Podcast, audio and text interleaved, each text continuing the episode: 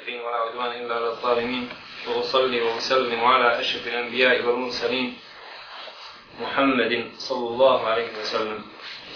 وأشهد أن لا إله إلا الله وحده لا شريك له له الملك وله الحمد وهو على كل شيء قدير. اللهم لك الحمد حتى ترضى ولك الحمد إذا رضيت ولك الحمد بعد الرضا. وارض اللهم عن الخلفاء الأربعة أبي بكر وعمر وعثمان وعلي. وعلى بقية الصحابة والتابعين ومن تبعهم بإحسان إلى يوم الدين. أما بعد فإن أصدق الحديث كتاب الله وخير الهدي هدي محمد صلى الله عليه وسلم وشر الأمور محدثاتها وكل محدثة بدعة وكل بدعة ضلالة. أما بعد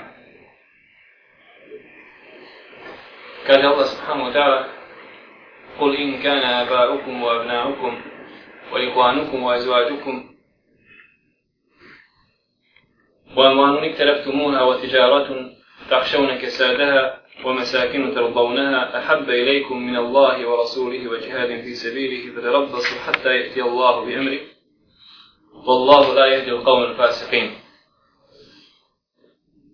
Obraća se uvijek Allah subhanahu wa ta'ala Muhammedu sallallahu alaihi wa sallam reci poslaniće reci svome umetu ako su vaši očevi i ako su vaša djeca i ako su vam vaša braća po krvi i ako su vam vaše žene u aširatukum i vaša rodbina i vaši imeci koje skupljate i vaša trgovina za koju stravujete, hoćete li imati uspjeha u njoj ili ćete propasti i vaše kuće u kojima se lijepo osjećate, s kojima ste zadovoljni.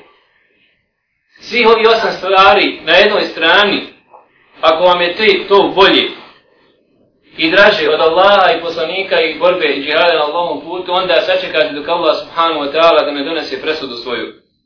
Allah neće uputiti narod koji je izašao iz pokornosti Allahu subhanahu wa ta'ala.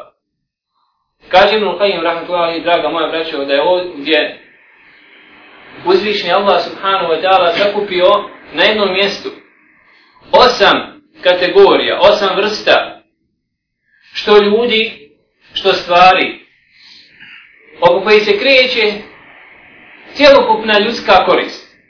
Oko ovih osam stvari tvoj se život kreće. Vrti se među rodbinom od oca, majke, djeteta, žene i tako dalje. Dok s druge strane trčiš za stvarima da imaš kao što je kuća, kao što je biznis.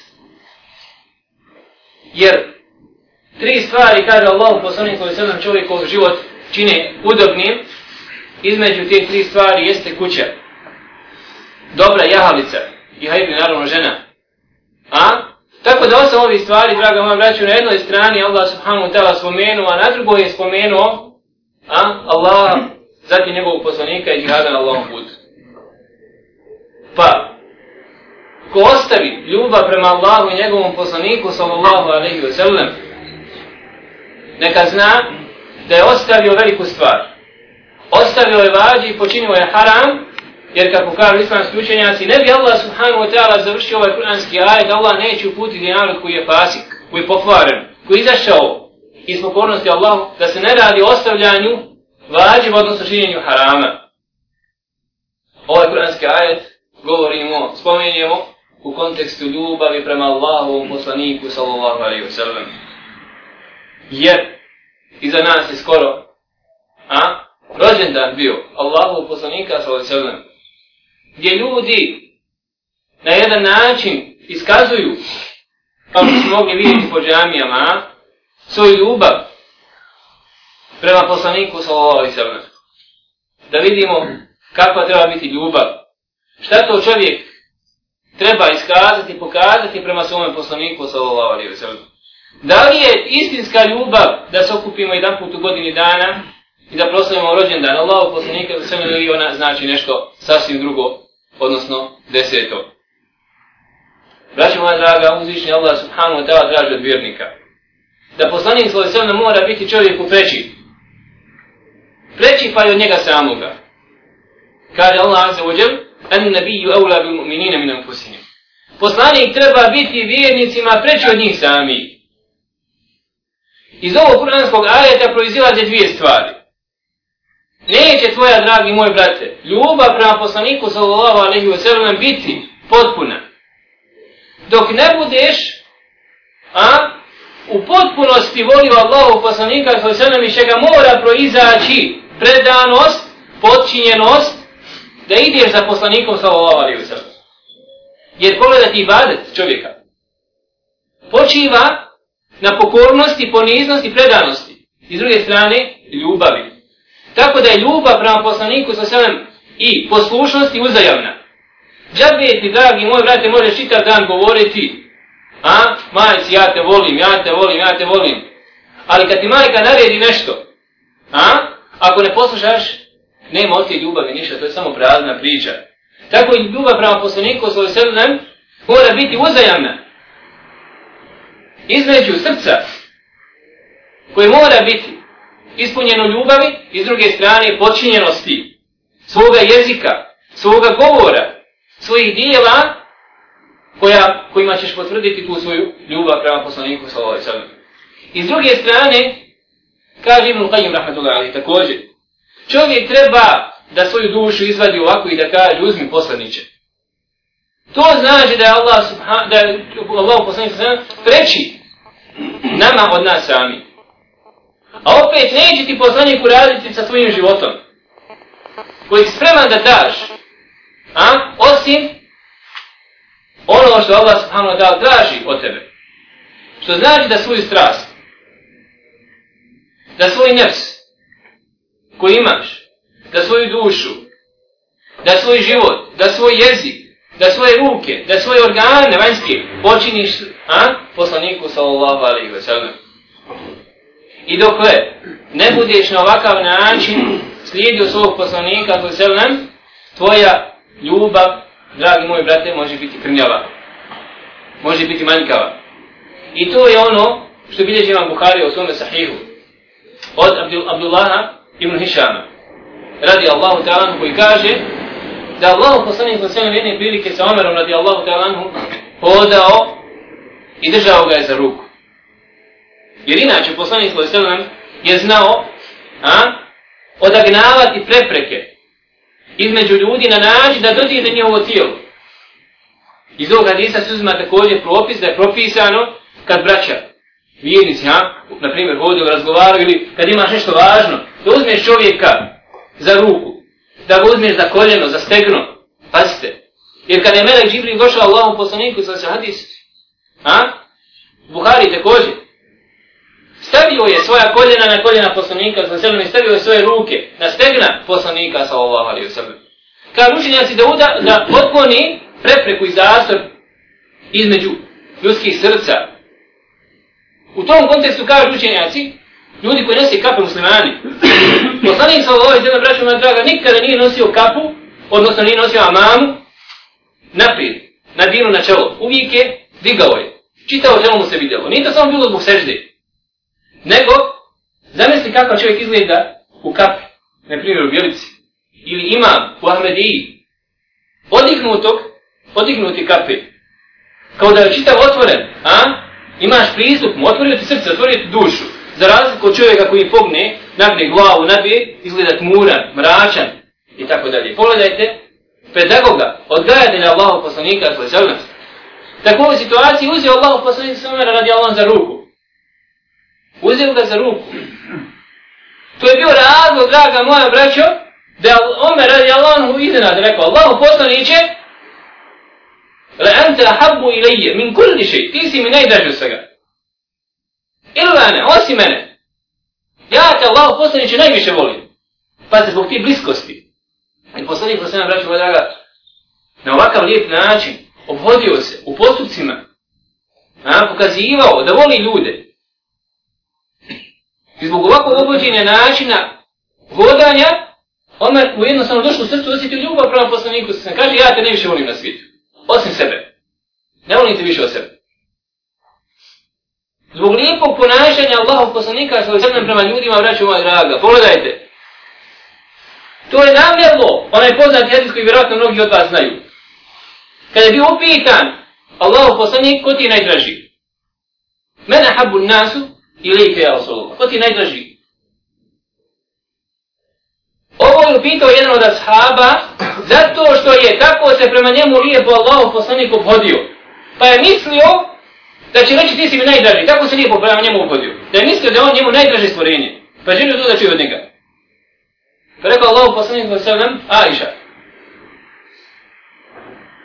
Pa je pomislio da ima drugu šansu, a? Hajde žena, možda sam ja drugi, nakon Aisha. Pa je ponovno pitao mi na riđala, od ljudi, opet očekujući ne bi li rekao njega Allah poslanik. Jer je tako poslanik prema njemu srda što se hodio, imao lijepo lice, nasmijan, veseo i tako dalje. Pogledajte. Pa onda se razočarao kada rekao, a? Njen otac, Ebu Bekr. Tako u ovom slučaju, Allah poslanik vodio Omera, kaže ti si mi najdraži. Najviše te volim, od svega osim sebe. Sebe volim više. Jer, braćima draga, Allah je stvorio čovjeka. Čovjeka tako. Da voli a, sebe više nego drugi. I voli sebi više nego drugome. Allah je stvorio tako u prirodi čovjeka. Međutim, veličina ljudi, veličina vjernika, jeste da daju drugima prednost na sobom. U evistiru na alaju fusim, u leukene bi hasasa. Oni daju jednim drugima prednost nad sobom, pa makar oni bili potrebni te stvari. Ali ovo je stvar vezana davanje prednosti u dunjalučkim stvarima. Za razliku u pokornosti, u obožavanju Allaha, mi imamo pravilo, la ikrara fi ta'a. U pokornosti obožavanja Allaha nema davanja prednosti drugom čovjeku nad sobom. I stoga učenjaci kažu, nećeš reći svom bratu, hajde popuni ti, hajde ti u sad, kad vidiš prazno mjesto ispred sebe. Nećeš reći, hajde ti kurac, kao što često puta vidite u džamijama, prazno mjesto ispred tebe, a, a ti guraš drugog čovjeka, ne. U tim stvarima se ne daje prednost nikome nad sobom. Ti si najpreći da popuniš taj sad. Ako treba neko da prouči ezan, ti si najpreći da to uradiš. Ako treba neko da uradi dobro djelo, ti si najpreći. Nećeš davati prednost drugome. U ibadetu, u pokornosti, u obožavanju Allaha. Za razliku dunjavka, daje se prednost. Pa je Allah poslanik rekao, neće biti potpun iman, potpun vjerovanje, braće moja draga, dok ne bude Allah poslanik preći i draži čovjeku od sviju i od njega samoga. Kaže sada, sad si mi draži. I od mene samoga, kaže Al-Ani Omer, poznat hadith Allah poslanika sa. Sad da imaš potpuni iman. Braćo moja draga, učenjac Ibn Ređeb, rahmetullahi, kaže, ljubav prema poslaniku sallallahu alaihi sallam se dijeli na dvije vrste. Dijeli se ljubav prema poslaniku sallallahu koja mora biti, koja mora biti. Zove se fard. Znači, nijedan čovjek vjernik, nijedna, nijedna žena vjernica ne mogu biti vjernici muslimani dok ne budu općenito prihvatili Allahov poslanika kao poslanika. Sa svim onim šime došao od uzvišnog Allaha subhanahu wa ta'ala. I ta ljubav mora postojati, ona je fard obavezna. Ako nema nje, čovjek nije musliman, izlazi iz vjeri. Ne može biti musliman. A sad da imate ljubav prema poslaniku svoj svem koja zove fadl, koja biva nadopunjujuća, gdje se ljudi razlikuju, gdje svi ljudi ne mogu isto slijediti Allahog poslanika. Ljudi se razlikuju u imanu. Razumijete? Pa neko više slijedi sunnet Allahog poslanika svoj svem u, jeli, u, jed, u jedenju, u pijenju, u vodanju, u obhođenju prema ljudima, u obhođenju prema porodici, učenju Kur'ana, u obožavanju sunnetima, I tako dalje, i tako dalje. Neko više se pridržava, neko manje. I tu se ljudi razlikuju kao što se razlikuju zemlje i nebese. Ali on vjerni. On voli Allah. Voli Allah poslanika sallallahu alaihi wa sallam. Ta ljubav se zove nedopunjujuća. I ko više i upotpuni, ko bude više, više ličio Allahom poslaniku sallallahu alaihi wa sallam, u pitanju ahlaka, u pitanju ibadeta, po pitanju A? Svi stvari koji znači ljubav prema poslaniku sa svema, toliko čovjek zaslužuje potpun iman i nadopunjuje ga. Nadopunjuje ga.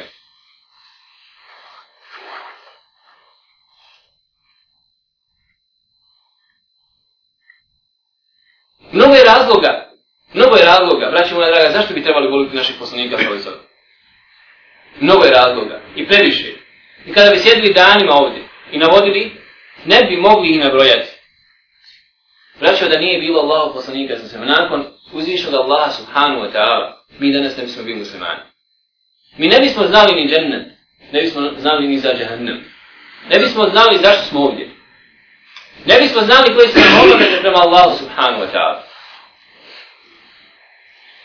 Kako ni Muhammed sallallahu alaihi sallam, pogledajte, nije, bi, nije znao šta je iman. Dok mu Allah azze wa jel nije poslao uput. Wa kedalike uhajna ilike ruha min amrina. Ma kunte tedri mal kitabu ala iman. Walakin ja'alnahu nura. Kada Allah subhanahu wa ta'ala, i tako smo mi poslali. A? Mi smo poslali tebi dušu. Dušu. Kur'an, u ovom kur'anskom ajetu naziva se duša. Jer se u njemu nalazi život. Za čovjekova tijelo. Za čovjekovo tijelo.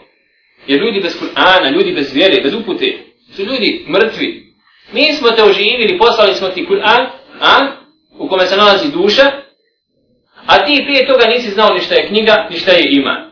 I Muhammed s.a.v. nije znao dok mu nije došlo objav. Pa je došao poslanik s.a.v. s objavom, i braćo moja draga, pogledajte, generacije, generacije su prošle i došle, a, i donijeli su tu uputu na ove prostore ovdje. I danas, hvala Allahu subhanahu wa ta'ala, mi imamo, mi imamo vjeru. Imamo islam. Zahvaljujući Allahom poslaniku sallallahu alaihi wa sallam. Treba moliti Allahu poslanika sallallahu alaihi wa sallam, braćo moja draga. Jer, u stanju njegovom je milost. U stanju njegovom milost, Omar sam nakila rahmatullahi alamin. Mi smo te poslali kao milost svim svjetovima. Hajde razumijemo kako poslanik sallallahu alaihi wa sallam ima milost vjernicima. Ali kako poslanik sa alejhi biva milost nevjernicima? U uspostavljanju argumenata nad nevjernicima, braćo moje dragi. U uspostavljanju argumenata nad nevjernicima. U donošenju Kur'ana pred njih nalazi se milost. Pa onaj ko prihvati od vjernika Kur'an, on se okoristio to milošću. A onaj ko odbije, odbio je milost. I na taj način Allah poslanik svoj sebe bio opet milost i prema, i prema nevjernicima. Međutim, braćo moja draga, žalostno kažemo, žalostno je što ljudi na pogrešne načine znaju iskazati tu svoju ljubav prema poslaniku, sallallahu alaihi wa sallam, i onda dešavaju se čudne stvari. Dešavaju se stvari da ljudi recituju, opjevavaju, a sastavljaju stihove, izražavajući svoju ljubav prema poslaniku, sallallahu a jedan od njih, pogledajte, prije nekih 50, 60 ili 70 godina, otprilike, u Beču je studirao i napisao jedan poznati spjevova, izražavajući ljubav prema poslaniku sallallahu alaihi wa sallam, a? a bio je poznat po pjesama koje je pisao pjevavajući žene, izražavajući ašik i tako dalje. U tim spjevovima u kojima se spomini veliča, uziže poslanik sallallahu alaihi sallam, stavlja mu se mjesto koje mu ne pripada. Stavlja mu se mjesto koje ne pripada. Vi znate kad su židovi došli, Allahom poslaniku sallallahu alaihi sallam. Kaže, židovi innekum tušrikum ne bila. Kažu vi muslimani činite širka Allahu subhanahu wa ta'ala.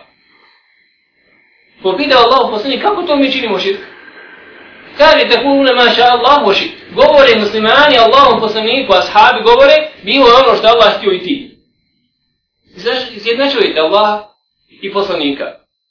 Pa je poslanik zabranio, čuvajući temhid, čuvajući akidu, čuvajući mjesto Allahu subhanahu wa ta'ala kojemu pripada, podučavajući ashabe da ne smije ni u kom slučaju dići Allahu poslanika na mjesto kojemu ne pripada. Nego recite, maša Allah thummešit. Recite, bilo ono što Allah htio, pa onda ono što je htio poslanik u U drugoj predaji, maša Allah vahde. Recite, bilo ono samo što Allah hoće. Poslanik svoj zemlje, braću moja draga, ne želi da mu se da mjesto koje, šta? On ne zaslužuje. Ali kad dođete tu, onda vidite čudesa. Onda vidite čudesa. Kad pogledate sa stanovišta historije, vidjet ćete ti obilježavanje Mevudova, odnosno Mevuda, obilježavanje rođenja poslanika, nije bilo u prvim generaciji muslimana. Čak Ibn Hajar, Laskalani komentaru Buharina Sahija, kaže, doslovno, obilježavanje rođenja poslanika sallallahu nije bilo niti u generaciji ashaba, niti u generaciji tabina, niti u generaciji a, etva u tabina. I bez obzira što Ibn Hajar kaže da je to dobra i lijepa novotarija. Priznaje to Ibn Hajar, a, ka, on tvrdi da je to lijepa i dobra novotarija. Ali negira da je to bilo u prve tri generacije. Negira da je to bilo u prve tri generacije. A vraću moja draga, najpreći ko bi trebao da obilježi rođenje poslanika za selem je svakako poslanik. A nakon toga, ljudi koji su ga najviše voljeli i koji su ga najviše slijedili, koji su ga najviše poštovali, a to su prisni njegovi prijatelji, ljudi u Bekra, Omera i tako dalje. Ne odrodbine njegove isto tako niko. A? Nije obilježavao rođenje poslanika Salojza. Predaje koja govori o tome jesu ili skroz daif ili apokrifne, nema nikakvog utemeljenja, laž na poslanika s.a.v. Jedna od njih jeste da je poslanik vidio u snu Ebu Leheba, pa mu je rekao, a? Da mu je Allah olakšao džahnem, da mu je Allah olakšao džahnem, kad pa ga upitao zbog čega, kaže zbog toga što sam šta? Se obradovao svome rođenju. Pa ste lažan hadis Allahu poslanika s.a.v. ali oni uzimaju, koji vidite neke stvari, uzimaju kao argumente. A ako otvorite historiju, vidjet ćete da su potomci Ubejda, Al-Qaddaha, prvi koji su u historiji obilježili rođenje Allahu poslanika sallallahu alaihi wa Ovaj Ubejd Al-Qaddah bio je u području Šama. U području Šama i bio je bio je od Džafera, Sadeka, oslobođeni rob. Oslobođeni rob bio je židov koji je prihvatio islam. Židov koji je prihvatio islam. Nakon toga otišao je u sjevernu Afriku gore i počeo da poziva u šiizam. Ali nije to taj šiizam tada bio kao, šta? Danas u nekom smislu. Nego eto, u početku je to bilo ljubav prema poslanikovoj porodici i tako dalje. Da bi kasnije onda prešli za stranjivanje, u zastranjivanje, I od njih je počela jedna sekta, nastala jedna sekta koju zovu Karamita. Ovi Karamita, od ovog potom, potomka, znači Ubejda al kaddaha, braći moja draga, 400 i neke godine došli su kod Kabe da obavi hađ i popili su muslimana i muslimana. Čak neki od njih su se popili na vrata Kabe i govorili gdje su ptice. A, koje Allah spominje u suri, a, Tadam te. Ukrali su Hadžeru Lesve, crni kamen kod, od Kabe. 13 godina nije bio kod Kabe, odnijeli govore u Sjevernu Afriku. Ovi, zašto ovo spominjem? Ovi, potomci od Ubejda al-Qaddaha došli su u Egipat i oni su osnovali Kairo. To je bilo 362. godine kada su došli u Egipat. I odmah već 402. godine vidjet ćete učenjaki historičare upozoravaju ovoj opasnoj sekti koja se pojavila, koja poziva u ljubav prava poslaniku svoje na ovim prostorima i odmah su otkrili potpuno njevo porijeklo da se radi o židovima koji su prihvatili islam na ovakav lažan način. Međutim, već uspjeli napraviti na tom području poznatu jednu dinastiju, Ubejdija, Fatimija, napravili su svoju Fatimijsku državu, gdje su imali 11 ili 12 halifa, halifa, gdje su učenjaci sunneta doživjeli jezijet i progonstvo i mučenje koje u historiji islama nisu doživjeli. Pa muslimani općenito. Muslimani općenito, gdje su mnogi učenjaci, pogotovo iz Španije, u tom vremenu osuđivali čak proglasiti ove halife kao nevjernicima. Neki od njih su čak se proglasili za Bogom. Jedan od njih ustao, ah, a, al-Mu'iz, bidinillah, to je znači sve u historiji. Od Ibn Kesira pogledajte. U godini 420. 420 nekoj. Čudesa ćete naći. Jedan od njih, al Mu'iz li ustao, usto, napomim bere i proglasio se, proglasio se, šta? Za Boga. Ova dinastija, ovi ljudi, braćo moja draga, prvi put u historiji, a, zabilježeni, da su proučili Mevlud, obilježili Mevlud rođenja Allahu poslanika sallallahu alejhi ve sellem. 400 i neke godine nakon Hidžre. Ovo sam samo ispričao onako usput, usput kao digresiju, da čovjek, da čovjek, a, zna na čemu je, na čemu je, i da zna historiju, da zna odakle potiču i dolaze te neke stvari koje, nažalost, nažalost, često puta ljudima se omile. Često puta ljudima se omile. Šeho Islam te nije kad govori o ljudima koji rade malud. U ti dao se mustaqim. Kaže, braću moja draga, po pitanju ljudi. Kaže, možda će Allah subhanu wa ta'ala nagraditi ljude koji a, obilježavaju mevlud, rođenja Allahu poslanika sa sada. Iz neznanja, pazite, iz neznanja. Kaže možda. Jer ljudi to rade iz neznanja, ali iz ljubavi prema poslaniku sa sedem, a ta ljubav je propisana. Jer koliko djeda, koliko nena, koliko ljudi i žena plaće kad se spominju lijepe stvari o Allahom poslaniku svoj sedem. Pazite, to je, to je ljubav koja je propisana, utemeljena. Ali sada što ljudi ne znaju, to je druga stvar. Ste razumijeli?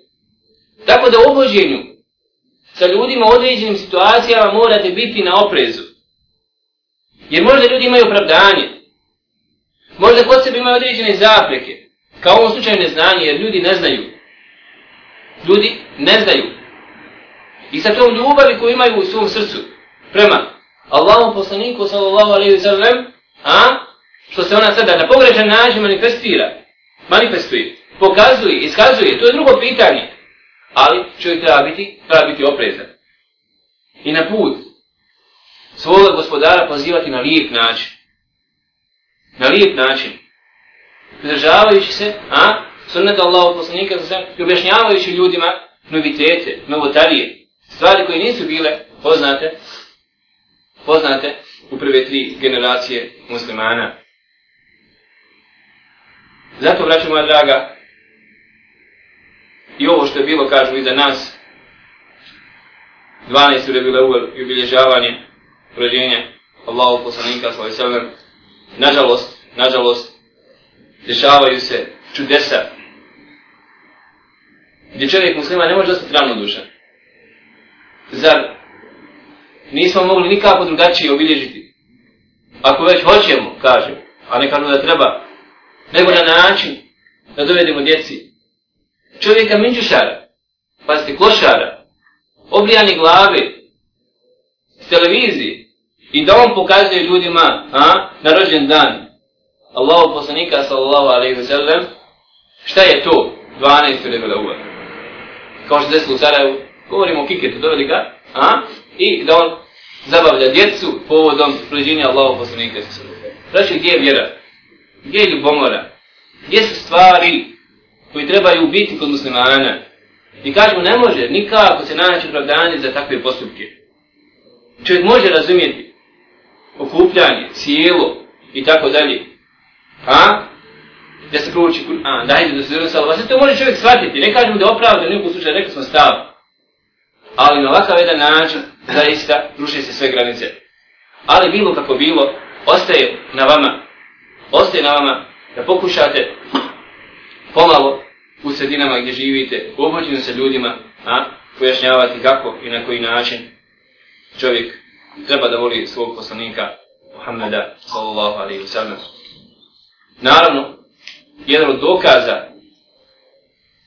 istintosti njegovog poslanstva jeste svaki napad, svaki napad koji evo vidite sve više i više, a doživljava poslanik sallallahu alejhi ve sredom posljednji to prije nekoliko dana, kao ste vidjeli u knjizi u Holandiji, je uspoređen poslanik sa ovaj sredom sa Hitlerom. Tako da, braću moja draga, čovjek treba gajiti tu ljubav, treba nastojati što god može više da se pridržava sunneta Allahu poslanika sallallahu alaihi sallam u svakoj pori svog života od tog vanjskog izgleda da liči kako je Allahu poslanik sallallahu alaihi sallam ličio I ta vanština je vjera. Bez obzira što neko rekao ovo ili ono, i vanština utiče, i vanština utiče i nekog iritira, nek iritira koga hoće. Ali čovjek treba i maštini, ali isto tako prije svega u srcu, a u srcu je tu je bogobojaznost, tu je osnova imana, tu je pokazao Allahu poslanik svoj sallam, ela inne takvaha huna, doista je bogobojaznost ovdje i pokazao Allahu poslanik svoj sallam na srce. I onda sa takvim srcem, oplemenjen sunnetom Allahu poslanika sallallahu alaihi wa sallam, braću moja draga, izlazili su ljudi, izlazili su ljudi, a? Širijeći sunnet Allahu poslanika sa sada.